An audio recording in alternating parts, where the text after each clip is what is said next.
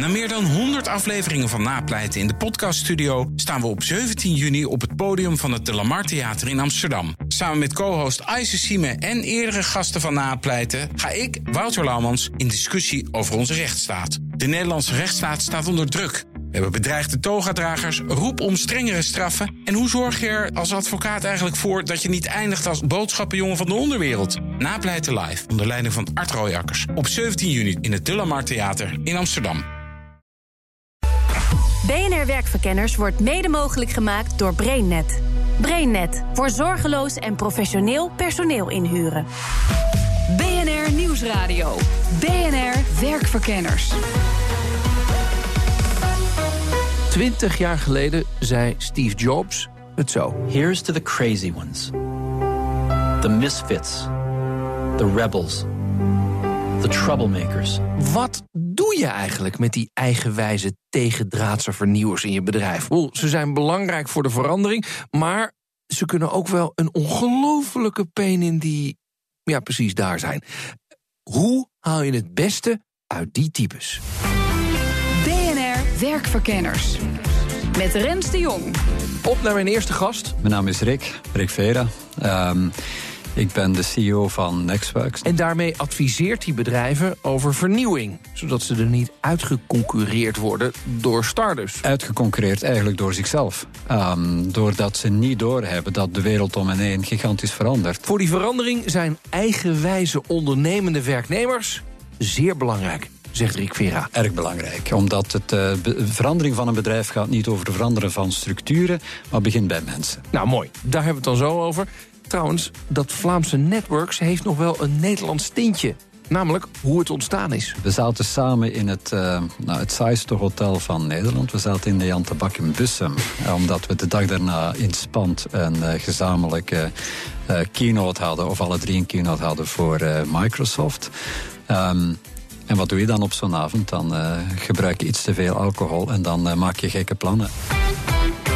Volgens Rick Vera zijn die eigenwijze ondernemende types zeer belangrijk voor de ontwikkeling van een bedrijf. Maar vaak worden ze niet goed gebruikt. Als je kijkt naar uh, bedrijven, dan zitten in bedrijven altijd een aantal gefrustreerde enthousiastelingen of positieve dwarsliggers. Dat zijn wel heel belangrijke uh, omschrijvingen. En wat zijn die verschillende typologieën dan? Nou, dat zijn, de, dat zijn de mensen die boven het maaiveld uitkomen. Dat zijn die, die, die jongens en meisjes, die, en dat heeft niks met leeftijd te maken, um, die eigenlijk blijven als een kind denken. Die niet vanuit patronen vertrekken, maar vanuit impulsen die ze krijgen en die impulsen op een andere manier in elkaar zetten en nieuwe patronen bedenken met, met, die, met die impulsen die ze krijgen. Mm -hmm. Er ontstaan op dit ogenblik enorm veel impulsen van een snel veranderende wereld. Sommige mensen blijven vanuit hun patroon denken en andere mensen gaan die impulsen gebruiken hoe nieuwe patronen. Die, hoe herken ik die mensen? Oh, dat, uh, dat, moet je aan elke bedrijfsleider maar even vragen. Nog eens, het zijn je positieve uh, enthousiastelingen, je ja. positieve dwarsliggers. De, de, mensen die zeggen van, maar waarom doen we dit? Uh, zouden we niet anders kunnen doen? Um, de, de, de mensen die zeggen van, maar waarom gaat dit zo traag? Waarom zouden we dit sneller, niet sneller kunnen doen? Al die mensen die de neiging hebben om buiten hun scorecard te kleuren, om buiten de lijntjes te kleuren, maar dan wel op een positieve manier. Ja. Om het bedrijf verder te helpen en meer zelfs om die klant echt verder te helpen. Die voelen van wat we aan het doen zijn, klopt niet meer met de omgeving. En die heb je in elk bedrijf. Alleen, ik merk dat in de meeste bedrijven die weggeveild worden. Die worden weggeveild omdat de, dat dingen waar ze mee aankomen niet passen in de scorecard, niet passen in de processen en de procedures die je gebruikt om je, da, om je bedrijf dagelijks te managen. Waarom worden ze weggehaald? Want ik kan nu al, het, ik vind het bijna een no-brainer als jij het zo uitlegt dat je die types moet gebruiken. Waarom gebruiken we ze niet? Omdat we, omdat we op dit ogenblik geen uh, bedrijf worden. En ik heb zelf altijd bedrijven geleid, dus ik weet hoe het werkt. Je hebt processen en procedures nodig om je bedrijf te managen. En je hanteert KPI's, want mensen worden graag gemeten. En dat is ook logisch. Alleen die KPI's die zijn er om datgene wat je doet verder te zetten. En dan weet je wat het resultaat gaat zijn. Alleen die positieve dwarsliggers, je weet niet wat het resultaat gaat zijn. Je weet alleen dat ze buiten de lijntjes kleuren. Ja. Kijk, op het ogenblik dat je, je die mensen dan toch altijd meteen probeert te vangen in bijvoorbeeld een timeline, bijvoorbeeld in meteen in deliverables, bijvoorbeeld toch gaat meten op, aan de hand van je oude KPI's, eh, dan gaat het niet gebeuren. Maar ze houden zich niet aan allerlei afspraken. Je kunt ze heel moeilijk meten. Ja. Ze lopen elke keer je kantoor binnen en zeggen: Ik heb nou weer een idee. Jij moet, je doet het fout, we moeten die kant op. Ja. Kortom, Ja. je bent er heel veel energie aan Ja, kwijt. En je weet eigenlijk nog niet wat je er. Het zijn de piraten. Ik- Piraten. Ik, noem ze graag de piraten. Ik, het, het, het- wat ik, wat ik maar jij hebt een positieve connotatie met piraten. Ja, ik heb een positieve. Ik heb, het zijn de piraten. Je moet af en toe je piraten toelaten in je organisatie. Je kan je organisatie niet runnen op alleen maar piraten, maar laat ze alsjeblieft toe. Wij moeten achter die piraten, Ja. eigenwijze, positieve types. Aan hoeveel procent van mijn workforce is hopelijk een beetje piraat? Nou, als, je het, als dat niet 1% is, heb je een gigantisch probleem. als, dat, eh, als dat 20% is, heb je ook een gigantisch probleem. Oh ja, waarom? Nou, gewoon omdat dat niet te handelen is. Nee. Ehm, dat, eh, dat, dat wordt wat, wat veel. Ja, nou, niet te veel, niet te weinig. Ik praat zo verder met Rick. Eerst een man die al zijn hele leven zo'n piraat is. Mijn naam is eh, Thomas Rauw. Ik ben begonnen als eh, kinderverzorger. Ik heb een dansopleiding. Dan ben ik beeldhouwer geworden. Eh, en toen ben ik eh, met architectuur begonnen in de gebouwde omgeving. En nu ga ik me een beetje bezighouden met de architectuur van een nieuw economisch systeem. Wij hebben jou uitgenodigd, want wij, Kees en ik, de eindredacteur van dit programma, en ik zaten te brainstormen. En toen kwam een van ons twee, ik weet niet meer wie, Thomas Rauw. Altijd iemand die tegendraads is, die iets anders vindt dan de gevestigde orde. Herken je jezelf? Nee. Nou ja, kijk, het is wel jammer dat ik in dat laadje geschoven word door jullie. Om, ik denk dat ik geen tegendraadse type ben, maar ik ben een voordraadse type. Oh, dat moet je uitleggen. Nou, kijk, een voordraadse type is eigenlijk iemand die misschien de omstandigheden serieuzer neemt. En daar dieper tegenaan kijkt dan de, omstander, de- dan de andere omstanders. Dus je bent voordraads om eigenlijk bepaalde ontwikkeling eh, verder te ondersteunen in een stroomversnelling te brengen. Kijk, een tegendraadse type is iemand die iets tegenhoudt. die, die, die wil iets niet. Die heeft, een, die heeft een aparte agenda. Dat heeft ook zijn waarde. Maar ik denk dat je met een tegendraadse type moet je anders omgaan dan met een voordraadse Ja, type. oké. Maar, je, maar je bent het wel met me eens dat jij het vaak anders ziet dan anderen. Eh, ik zie het vaak anders dan anderen, maar ik probeer het zo te zien. En dat, dat klinkt nu een beetje eigenwijs, maar ik probeer het zo te zien als het daadwerkelijk is. Eh, Galileo Galilei, die, die was ook, niet, eh, ook geen tegendraadse type. Die zegt van, wacht even, volgens mij draait de aarde om de zon... en niet, het is gewoon niet omgekeerd. Nee. Dus ik probeer Maar het gewoon... duurde even voordat hij iedereen had overtuigd. Eh, En tot die tijd werd hij toch gezien als iemand die denkt... ja, dat is dat type dat niet denkt wat wij denken. Nou ja, ze Toch? hebben, nou ja, ze hebben het klassieke gedaan. Ze hebben hem, eh, eh, de inquisitie, ze hebben hem gewoon opgesloten. En dat geeft het een beetje het, het probleem aan dat wij in een systeem zitten dat denkt zijn eigen realiteit te kunnen scheppen. Ja, is dat ook in bedrijven zo? Leven die dan ook in hun eigen realiteit? Ja, natuurlijk. Bij bijna, bij, bij, bijna iedereen. Iedereen is een soort, soort gebrainwashed van, van, van, van het systeem wat hij zou moeten, moeten ondersteunen. Zonder zich misschien af te vragen: is, is, is, dit, is dit daadwerkelijk de moeite waard? Oké, die eigenwijze ondernemende types onderscheiden zich vooral omdat ze zich niet conformeren tot het systeem. Thomas besefte zich tijdens zijn jeugd dat hij buiten de gebaande paden moet. Eh, en hij kwam tot die conclusie nadat hij een zwaar ongeluk had gehad. Toch vinden sommige mensen zo'n voordraadstype behoorlijk lastig. Ja, natuurlijk vinden ze me lastig. Ik heb natuurlijk een aantal incidenten ook in mijn, eh, in, in mijn jeugd gehad. eh, waar mij dat is overkomen. Misschien kan ik daar even een voorbeeld van geven. We hadden eh, in, de kunst hadden wij het dadaïsme. Dat was de dadaïsme-periode. En we hadden de opgave iets in het kader van dadaïsme gewoon iets te bedenken. En ik dacht, ja, fantastisch. Dus ik had een grote kist gebouwd met een grote spiegel daarin. En eh, in mijn school, wij hadden een heel groot trapgat. Dus echt gigantisch trappenhuis was het. Dus ik heb op een bepaalde dag heb ik gewoon die kist in het trappenhuis opgehangen met grote touwtjes. En het, was, het was een kist of een doodskist? dat was een het- doodskist, Ah, ja. Sorry, een doodskist, ja. Het zag er ook zo uit. Alleen die, die was opengeklapt en daar lag een grote spiegel in. Dus iedereen die in het, in het, in het trappenhuis stond en nieuwsgierig was, ja, wat is dit? En die wilde erin kijken. Nou, die zag eigenlijk min of meer zichzelf gewoon in die kist liggen. Ik vond het een briljant ding. Eh, ik moest de volgende dag bij de schooldirectie te komen. Nou, ze hebben mij van links en rechts alle hoeken van de kamer laten zien. En ik zeg, ja, ik begrijp het oprecht niet. Om, ik heb die vraag serieus genomen. Het gaat om dadaïsme. Ik zeg, volgens mij is dit precies wat er hangt. Maar zij vonden dat ik hun vraag serieuzer had genomen dan hun eigenlijk lief was. En ik denk dat is een voordraads iemand. Een voordraads is iemand die de vragen of die de realiteit serieuzer neemt dan zijn omgeving. En daardoor is die af en toe een beetje oncomfortabel. Heeft je dit meer gebracht of meer gekost? Ehm, allebei. Het kost, je- het kost je een hoop. Het kost je veel eh, dat je vaak outsider bent. Eh, dat niet iedereen fijn vindt eh, als, als je iets gaat roepen. Dus je, je wordt eigenlijk een, een soort, soort mentale outsider word je daardoor. Wat het mij gebracht heeft, is eh, dat ik langs de as probeer te leven om te kijken van wie wil ik worden. Dus het heeft me gebracht om steeds meer te worden wie ik graag wil zijn. Eh, dus ik denk dat ik daar mijn tijd efficiënt voor gebruikt heb. Het is een helder kompas voor. Het dwingt je om voor jezelf een helder kompas te hebben. Het, ja, als je die niet hebt, dan, dan, dan beland je in de sloot of je wordt alcoholist. Of, dan ben ik trouwens al heel vaak gevraagd, ook door buren.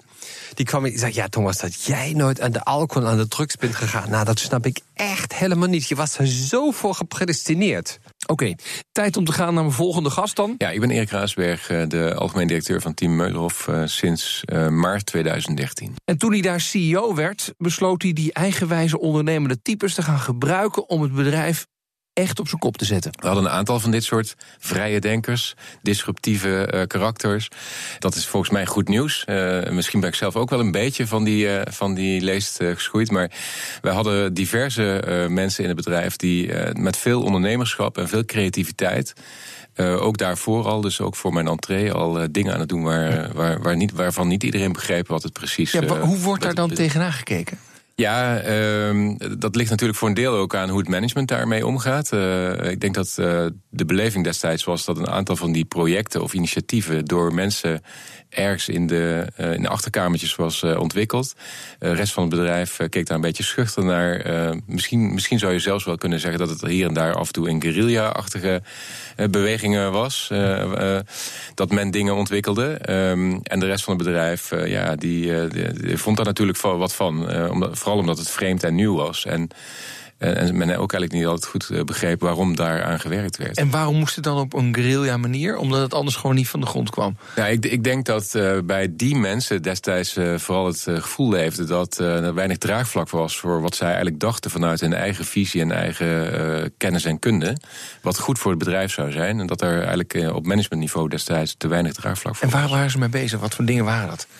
Ja, dat gaat natuurlijk in onze sector eh, over eh, vernieuwing van leermiddelen. Want wij zijn een leermiddelenleverancier. eh, traditioneel studieboeken, uiteraard. Steeds vaker speelt daar digitaal een rol in. Ehm, ja, en er waren allerlei mensen die zeiden: ja, wij, wij hebben ideeën over hoe we dat digitaal waardevol kunnen maken voor onderwijs en leermiddelen. Ehm, eh, en daar werd dan soms eh, met draagvlak uit de directie, maar soms ook gewoon in, eh, wat ik zei, achterkamertjes, werden best wel gave dingen stiekem- gedaan eigenlijk. stiekem werden er gave dingen gedaan. Ja, soms werden die een beetje stiekem gedaan, omdat, omdat er niet altijd nou ja, tijd, aandacht, budget voor was, of draagvlak, zoals ik al zei. En ik denk dat het eigenlijk goed nieuws was, want toen ik dat aantrof in 2013, was ik eigenlijk best wel blij met de dingen die daar al gebeurd waren. Mhm. Zometeen hoor je hoe Erik Razenberg zijn bedrijf heeft veranderd met die vernieuwers. En je hoort wat je als bedrijf moet doen om die types bij je te houden. Het is bijna je lakmoesproef. Als ze blijven, dan ben je goed bezig. BNR Nieuwsradio. BNR Werkverkenners. Vandaag zoek ik uit hoe je het beste haalt uit eigenwijze tegendraadse types in een bedrijf. Mijn naam is Rens de Jong, leuk dat je luistert. In mijn onderzoek word ik geholpen door Networks-oprichter Rick Vera... die bedrijven adviseert over vernieuwing... en de CEO van Team Meulenhof, Erik Razenberg. Hij vertelt me hoe hij die eigenwijze vernieuwers heeft ingezet... om zijn bedrijf te vernieuwen. Ik heb geprobeerd om die mensen gerust te stellen en eh, te omarmen. En ook eh, goed naar ze te luisteren waarom ze de dingen deden die ze deden. En eh, eh, wat zij dachten dat goed was voor het bedrijf. Ehm, en natuurlijk heeft dat mede de eh, strategie ook geïnformeerd, zeg maar. Dus ik heb daarmee eh, mijn voordeel gedaan om te kijken, oké, eh, wat voor geluiden komen er uit die hoek? Ja, waarom moest je ze geruststellen? Uh, omdat ik denk, uh, dat, denk dat die mensen ook wel door hadden dat de rest van het bedrijf daar een beetje sceptisch over was. En misschien zelfs ook wel, uh, ja, dat, zij ook wel beseften dat het gedeeltelijk in de illegaliteit. En illegaliteit natuurlijk niet volgens de zin van de wet, maar illegaal in termen van de bedrijfsstrategie. Ja, dus deze mensen, mannen, vrouwen, ga je gebruiken om te zeggen: jongens, ja, geef input op de strategie. Of was het meer? Nee, ik heb, ik heb ze denk ik uh, gevraagd om zeker uh, input te geven op de strategie. Uh, en denk ook dat we uiteindelijk als directie ons voordeel hebben gedaan met, met de input die daar geleverd is. Tegelijkertijd ja, hebben we natuurlijk ook gezegd, het kan niet zo zijn dat mensen hun eigen projecten volstrekt in isolatie bedenken en maar een bepaalde kant op schieten, die soms ook nog materieel middelen kost. Uh, dan moeten we toch wel met elkaar eh, kijken hoe we dat in de strategie uh, inpassen. En niet, uh, niet zo laten voortbestaan als ja, ja. het daarvoor was. Dus die vrijdenkers. Ja. Moest je toch een beetje gaan kortwieken. Nou, dat ligt eraan. Je kunt ook zeggen, we gaan, we gaan het uit de illegaliteit halen. En we gaan de ruimte we, er ook formeel voor scheppen om uh, ze die rol te laten spelen. En, en, richting geven. Joh, het is allemaal leuk, maar het moet een beetje die kant op. Ja, want uh, uiteindelijk, uh, we zijn dus zeker vandaag de dag een organisatie met veel zelforganiserende teams. Hè, dus, maar het richten, het doelen stellen, de strategie duidelijk maken, dat is wel echt een opdracht die ik voor de directie zie. En die moet gewoon klip en klaar zijn.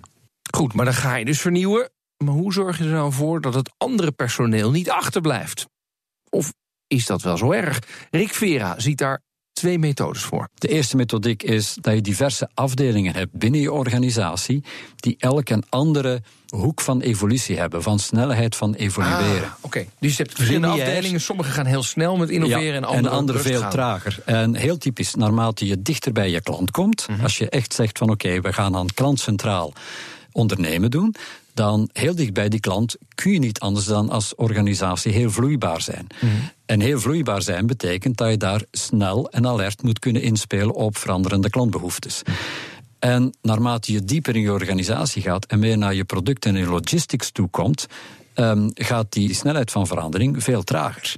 En dat is ook niet fout. Het enige waar je moet voor opletten is dat de trage uh, afdelingen niet de hindernis gaan worden voor de snelle afdelingen, maar dat de snelle afdelingen net die trage afdelingen net iets op, opscalen en, en versnellen. Zetten wij dan de piraten bij de snelle afdelingen neer? Ja, ik zou de piraten zeer zeker bij die afdelingen neerzetten die bezig zijn met technologie. Technologie inzetten om uh, uh, beter in te spelen op klantbehoeftes en beter in te spelen op de buitenwereld. Want je zou namelijk ook kunnen denken: nee, je moet de langzaamste in de bus, moet je proberen zo snel mogelijk met, met, met de recht mee te dan, laten gaan. Dan ben je met een hele moeilijke oefening bezig. En uh, de, je, hebt, je hebt ook een aantal van die conservatieve mensen nodig, want er is niks, er is niks positief of negatief aan wat nee, ik uitgesproken heb. Om een aantal van je processen lekker te laten lopen. En zet morgen al die piraat in je logistieke afdeling en je krijgt één gigantisch probleem. Um, en die worden er ook niet gelukkig. En je, je logistieke afdeling wordt daar ook niet gelukkig. Waar je wel moet voor zorgen, dat is de taak van het management, dat is dat die afdelingen elkaar wel begrijpen. En dat ook die tragere afdelingen, die meer logistiek gerichte afdelingen, wel begrijpen wat er in de buitenwereld aan het gebeuren is en waarom ze die snelle jongens daarboven moeten volgen. Dat is een eerste methode. Een tweede methode, dat is het platformdenken. Dus dat je zegt van oké, ik, ik zet mijn bedrijfsvoering gewoon lekker door en ik heb 80, 90 misschien 95 procent van mijn mensen op die klassieke bedrijfsvoering werken.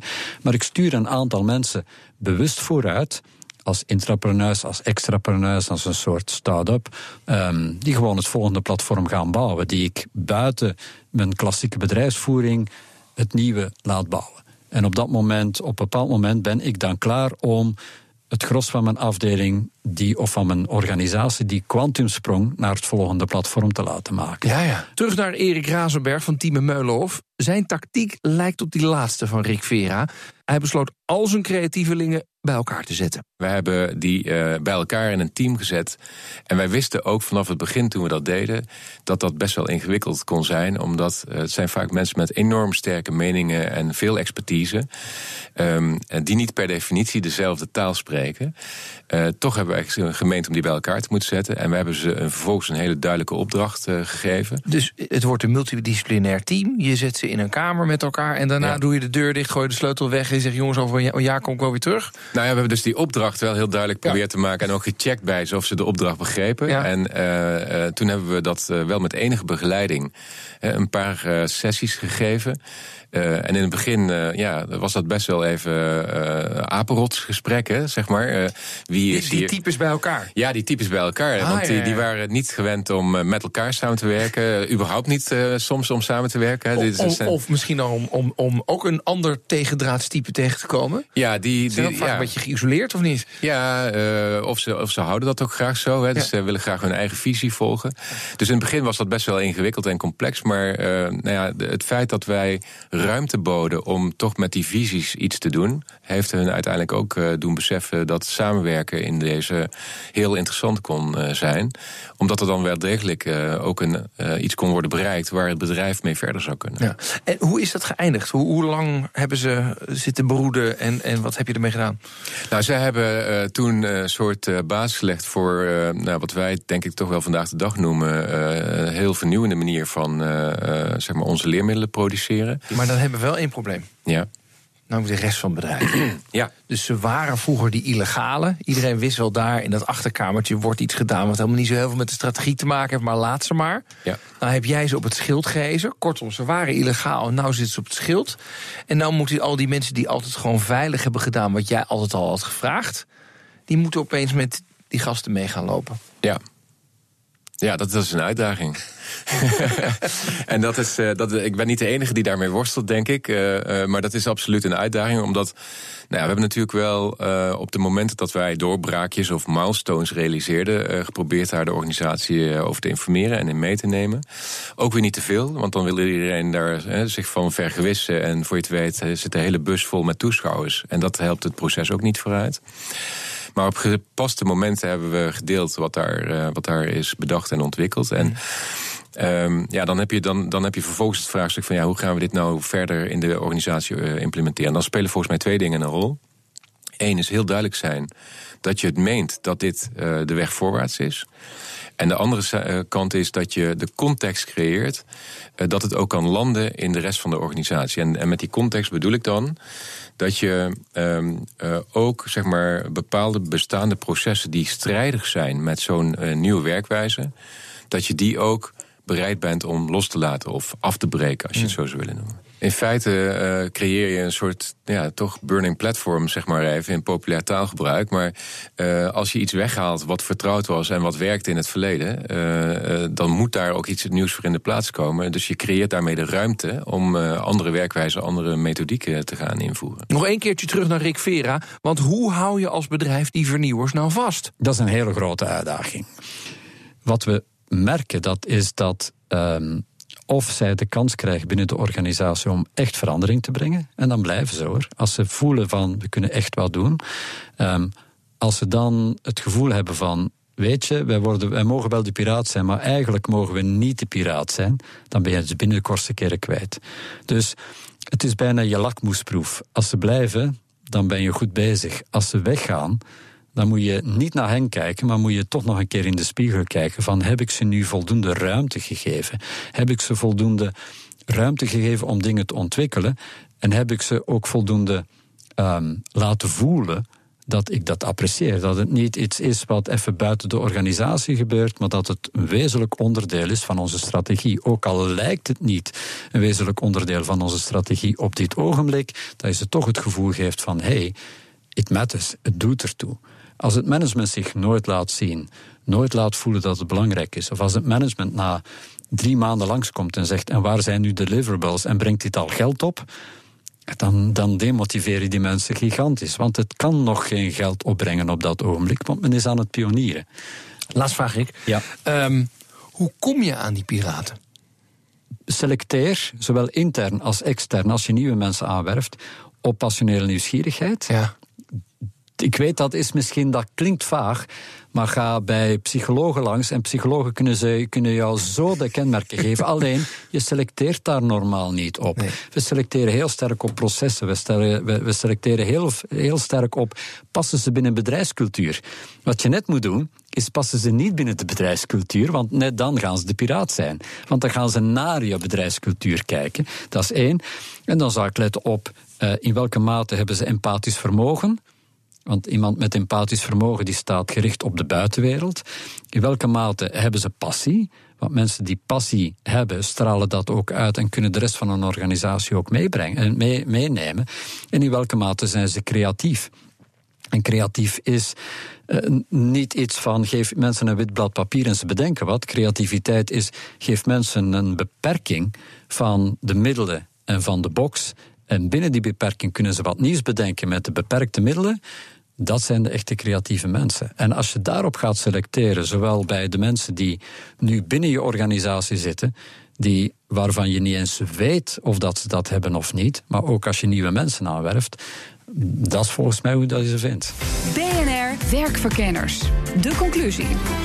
Vandaag zocht ik uit hoe je als bedrijf het beste haalt uit die lastige types in je organisatie. Die, die, die wel mee willen denken, maar ook bloedeigenwijs zijn. Wat moet je daar nou precies mee? Nou, de conclusie: geef ze de ruimte. Bind ze niet met KPI's en targets. Twee, zet ze bij de afdelingen die sneller ontwikkelen en zorg dat je als directie een duidelijke visie en richting voor ze hebt. En drie, betrek het andere personeel bij de ontwikkeling en durf ook ouderwetse methodes de deur uit te doen als je naar het volgende platform van je bedrijf toe gaat. Wil je nou meer horen van BNR Werkverkenners? Kan even surfen naar onze website bnr.nl/slash werkverkenners of je vindt ons altijd in de BNR-app. Tot de volgende keer. Dag. BNR Werkverkenners wordt mede mogelijk gemaakt door BrainNet. BrainNet voor zorgeloos en professioneel personeel inhuren. Ook Thomas van Zeil vind je in de BNR-app. Je kunt live naar mij luisteren in Zaken doen. De BNR-app met breaking news, het laatste zakelijke nieuws... en je vindt er alle BNR-podcasts, bijvoorbeeld Het Nieuwe Geld. Download nu de gratis BNR-app en blijf scherp.